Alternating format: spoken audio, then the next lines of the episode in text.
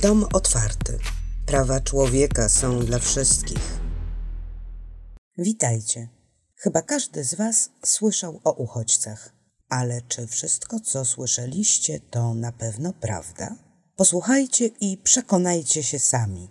Dom otwarty zaprasza na podcast. Dzień dobry. Nazywam się Natalia Gebert. W domu otwartym pracuję z uchodźcami i osobami, które czekają na decyzje polskich władz w sprawie statusu uchodźcy. Dzisiaj zapraszam Was do rozmowy o tym, czy to prawda, że uchodźcy nie chcą się integrować. Jeśli wpiszemy w Google słowo integracja, zobaczymy liczne definicje słownikowe. Będą tam też strony poświęcone integracji oprogramowania czy integracji państw w ramach Unii Europejskiej. Być może słyszeliście też, jak rodzice mówią, że mają imprezę integracyjną w pracy. Wygląda na to, że chcemy czy nie chcemy, z integracją mamy do czynienia na co dzień.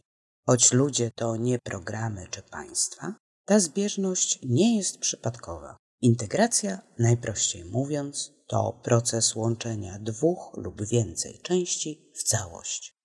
Jak to się ma do uchodźców? Zanim do tego przejdziemy, sprecyzujmy, o kim będziemy dzisiaj rozmawiać, bo nie każdy cudzoziemiec, który do nas przyjeżdża na dłużej, jest uchodźcą. Tak nazywamy tylko tych, którzy uciekli przed prześladowaniem lub wojną. Jeśli ktoś przyjechał w poszukiwaniu pracy, jest migrantem ekonomicznym. Inaczej mówiąc, uchodźca opuszcza swój kraj, bo musi migrant ekonomiczny, bo chce. Warto jednak pamiętać, że wiele kwestii, o których będziemy dzisiaj rozmawiać, dotyczy i uchodźców, i migrantów ekonomicznych. Drugą sprawą, o której warto pamiętać, jest to, że każdy uchodźca jest inny. Uchodźcy pochodzą z wielu różnych krajów i różnią się między sobą doświadczeniami, wiedzą, kulturą, w której wyrośli, czy wyznawaną religią. Nie ma zatem jednego szablonu, jednej formuły, która opisywałaby wszystkich uchodźców. Tak jak nie ma takiego szablonu czy formuły opisującej wszystkich Polaków. Na co dzień i nam, i mediom wygodniej jest posługiwać się taką zbiorową kategorią. Stosuję ją także ja w naszej dzisiejszej rozmowie. Pamiętajcie jednak, proszę, że jest to tylko pewien schemat, uogólnienie. Wróćmy do integracji. Większość z Was pewnie była kiedyś za granicą. Może nawet chodziliście tam do szkoły. A może w Waszej klasie jest ktoś, kto urodził się poza Polską.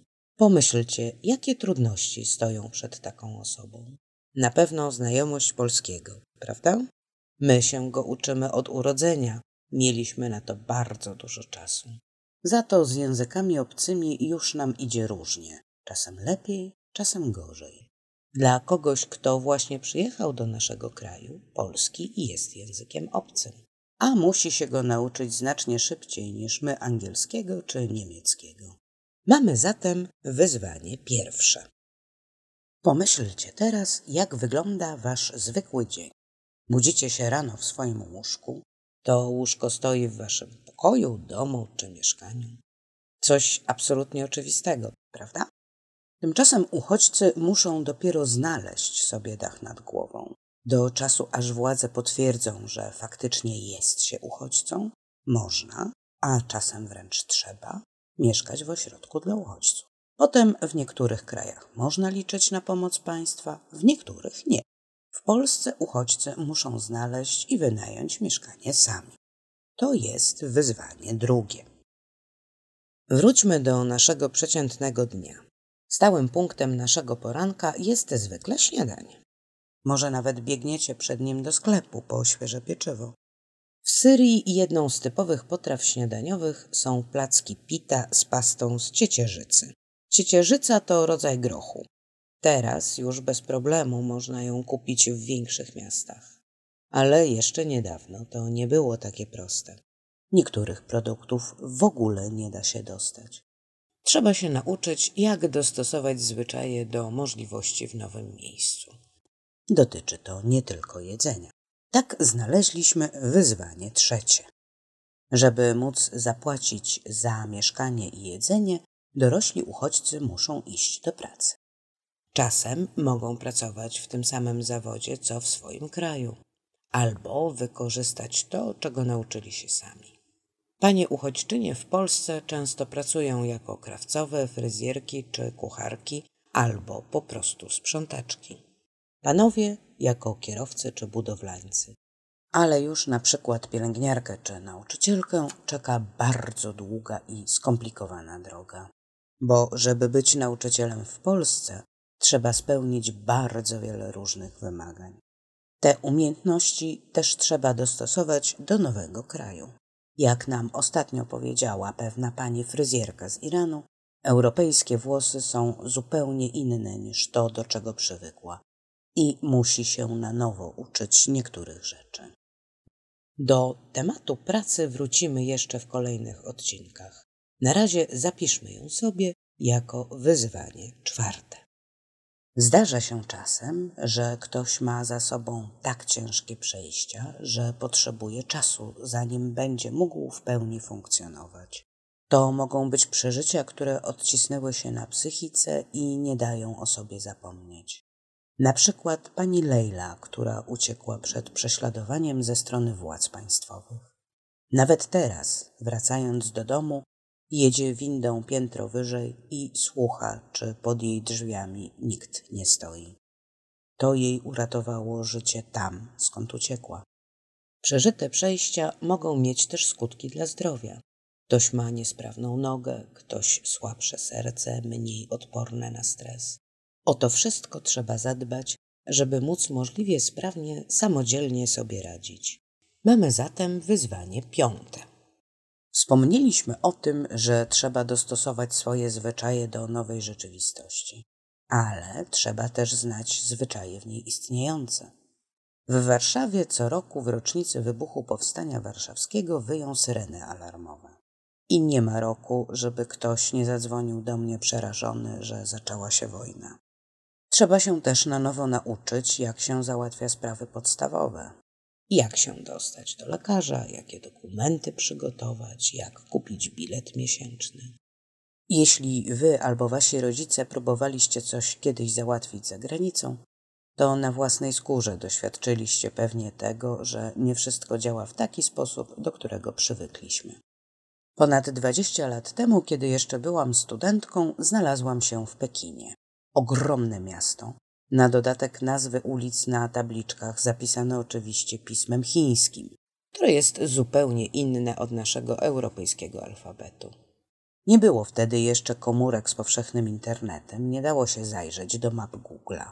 Więc kiedy się zgubiłam, zrobiłam to, co zrobiłabym w dowolnym mieście w Europie, czyli podeszłam do policjanta zapytać o drogę na migi, bo mój chiński ogranicza się do dzień dobry i dziękuję, zaś pan policjant nie mówił po angielsku.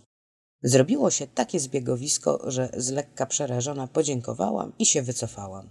Znacznie później ktoś mi wyjaśnił, że miałam szczęście. Bo do policjanta nie można od tak sobie podejść i odciągać go od przydzielonego mu zadania. A w ogóle to najlepiej wcale nie mieć do czynienia z policją. Innym przykładem na to, że nie wszystko wszędzie działa tak samo, może być ruch na ulicach w Wielkiej Brytanii. Przy pierwszej wizycie w Londynie o mało co nie wpadłam kilka razy pod samochód, bo patrzyłam najpierw w lewo, potem w prawo, jak w Polsce, a samochody jeżdżą tam inaczej niż u nas. Przyzwyczajenie się do tego, jak działają różne rzeczy i jak się co załatwia, to wyzwanie szóste. Takich rzeczy można się dowiedzieć i nauczyć szybciej, jeśli jest ktoś, kto je wyjaśni.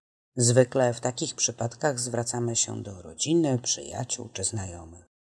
Uchodźca musi sobie takie więzi dopiero stworzyć, a to wymaga czasu. Owszem, są organizacje pozarządowe, takie jak nasza, które można zapytać, ale my też nie wszystko wiemy. Poza tym fajnie jest jednak mieć kogoś, z kim można pójść do kina albo na poszukiwanie nowych ciuchów, prawda? I tak oto możemy dodać wyzwanie siódme. Ostatnim wyzwaniem na naszej liście będą prawa, obowiązki i zasady, których należy w nowym kraju przestrzegać. Mogą one być inne niż to, do czego uchodźcy przywykli. Niektóre są spisane jako przepisy prawa, niektóre są niepisane, umowne. Sami też nie zawsze ich przestrzegamy. Na przykład wszyscy powinniśmy w sklepie czy w autobusie mieć na twarzy maseczkę. Ale jeśli przyjrzeć się współpasażerom, to nie każdy się do tego stosuje. Stwierdziliśmy na początku, że proces integracji dotyczy co najmniej dwóch części. W przypadku integracji uchodźców, tą drugą częścią jest państwo i społeczeństwo, w którym zaczynają nowe życie. W każdym kraju jest to urządzone inaczej. Dużo zależy od tego, jaką wizję społeczeństwa w ogóle ma dane państwo. Na przykład we Francji duży nacisk kładzie się na to, że państwo jest laickie, czyli niezwiązane z żadną konkretną religią. To powoduje, że istnieją różne ograniczenia, które niektórzy wyznawcy poszczególnych religii, także chrześcijanie, uważają za niesprawiedliwe. W Stanach Zjednoczonych, które są krajem stworzonym przez imigrantów, przez długi czas obowiązywało podejście, które po angielsku nazywa się melting pot, czyli tygiel. Wrzucamy do jednego naczynia różne kultury, które imigranci ze sobą przynieśli i wytapiamy w nim oryginalną mieszankę. Z kolei w Wielkiej Brytanii, gdzie utarte długowiekowe zwyczaje mają duży wpływ na decyzje dotyczące życia codziennego, mamy raczej do czynienia z sałatką, czyli różnorodnością składników, które wcale nie muszą się w sobie roztapiać, żeby nasza sałatka po wymieszaniu miała smak. W Polsce dopiero tworzymy sobie taką wizję. Przez bardzo wiele lat nie musieliśmy się nad tym zastanawiać, bo nie licząc niewielkich mniejszości narodowych, nasz kraj zamieszkiwali wyłącznie Polacy. Mówiliśmy jednym językiem, czytaliśmy te same książki, uczyliśmy się tej samej historii. Teraz to się bardzo szybko zmienia. Coraz więcej cudzoziemców zostaje w Polsce na dłużej albo na stałe, a pochodzą z różnych miejsc. Ukraina, Indie, Turcja, Irak, Syria, Iran, Kazachstan, Chiny i wiele, wiele innych. O status uchodźcy w Polsce najczęściej w tej chwili proszą Czeczeni, Tadżycy, Gruzini i obywatele innych byłych republik radzieckich, ale też Turcy, Syryjczycy czy Irańczycy. W integracji bardzo wiele zależy nie tylko od tego, jakie możliwości oferuje dane państwo, ale też od tego, jak do przybyszów podchodzą jego mieszkańcy. Zastanówcie się sami. Znacznie lepiej czujecie się w klasie, w której możecie się z większością uczniów dogadać, lubicie się, robicie razem różne rzeczy, niż w klasie, w której jesteście wyrzutkiem, kimś, kto nie pasuje do całej grupy i nikt nie chce mieć z wami nic wspólnego. Zgadza się? Ten sam mechanizm działa w przypadku uchodźców. O wiele łatwiej będzie im zintegrować się ze społeczeństwem, które się od nich nie odcina, nie wyklucza ich ze wspólnoty i wykazuje się zrozumieniem dla trudności, które przed nimi stoją. A jest ich niemało. Przypomnijcie sobie naszą długą listę wyzwań, od której zaczęliśmy tę rozmowę. Dlatego o integracji mówi się często, że są to swego rodzaju negocjacje. Od niektórych rzeczy nie możemy odstąpić. Są takim żelaznym kanonem nie do ruszenia. Na przykład nie wolno bić dzieci. Dotyczy to i Polaków, i przybyszów. Ślub bierzemy dopiero jak jesteśmy dorośli. Ale jest wiele spraw, w których możemy się porozumieć i wspólnie ustalić, jak to ma działać. Chyba w niczym nam nie przeszkadza to, że w szkolnej stołówce są też dania bez wieprzowiny, prawda? Albo to, że ktoś się modli do innego Boga, może w innym języku. Czasem są to bardzo proste sprawy i wystarczy, że włożymy odrobinę wysiłku w to, żeby się dowiedzieć i zrozumieć. Żeby dać Wam przykład z mojej praktyki. Czas jakiś temu poproszono mnie o interwencję w bloku, gdzie jedno z mieszkań zajmowali przybysze z Indii. Kuchnia indyjska jest bardzo aromatyczna, używa się w niej wielu przypraw i lokatorom bardzo przeszkadzały zapachy unoszące się na klatce, kiedy panowie gotowali. Przyznam się, że nie miałam pomysłu, jak do tematu podejść, bo przecież nie zakażemy Indusom gotowania tego, co lubią jeść. Z drugiej strony nie chodzi też o to, żeby pozostałym lokatorom było nieprzyjemnie w imię tolerancji. Zapukałam, przedstawiłam się, powiedziałam z czym przychodzę. Panowie grzecznie mnie wysłuchali, po czym zadali mi tylko jedno pytanie. A była pani tutaj w grudniu, jak wszyscy bigos gotowali? To dopiero był zapach. Wtedy zdałam sobie sprawę, że rzeczywiście na znane nam zapachy zwykle nie zwracamy uwagi. Bigos na wigilię, czy nieśmiertelny rosół, którym pachnie moja klatka niemal w każdą niedzielę, to dla nas norma. A skoro wystarczy poznać, żeby przestało nas drażnić, to zrobiliśmy piknik sąsiedzki. Rozstawiliśmy na podwórku stoły, powyciągaliśmy kuchenki elektryczne i było wielkie wspólne gotowanie, a potem wspólne jedzenie. I wymienianie się przepisami na różne potrawy w obie strony. Mieszkańcy potem sami wpadli na pomysł, że trzeba zrobić drugie takie spotkanie, gdzie Indusi będą przygotowywać polskie potrawy według otrzymanych przepisów, a pozostali lokatorzy hinduskie.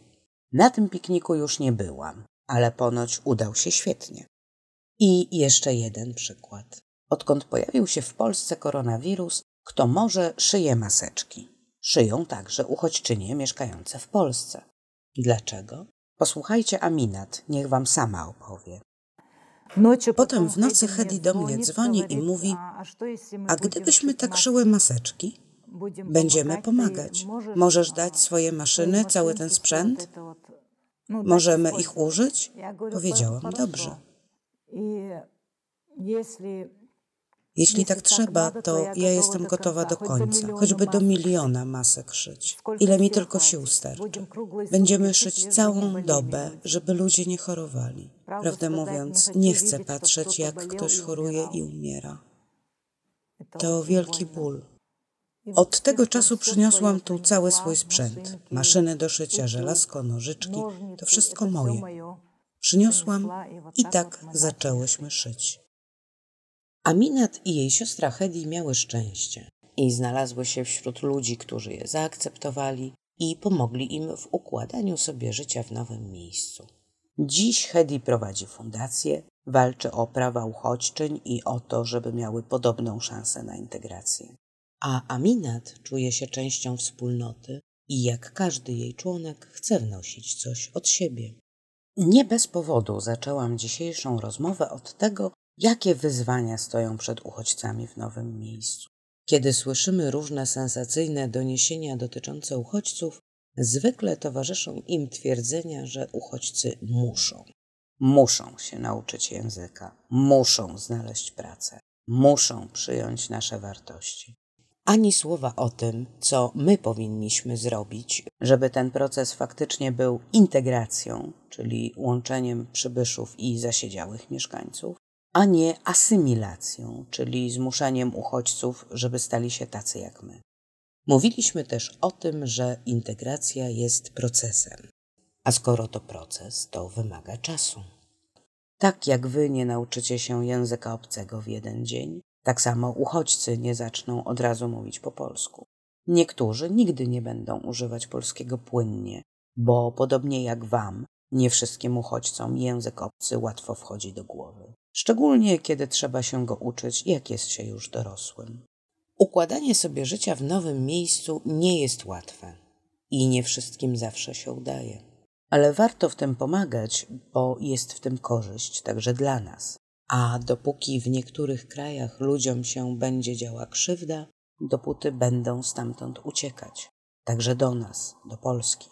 I odwracanie głowy, twierdzenie, że nas to nie dotyczy, w żaden sposób tego nie zmieni. W następnym odcinku rozmów o mitach dotyczących uchodźców zastanowimy się nad tym, czy to prawda, że uchodźcy nie chcą pracować. Do usłyszenia. Dom otwarty. Prawa człowieka są dla wszystkich.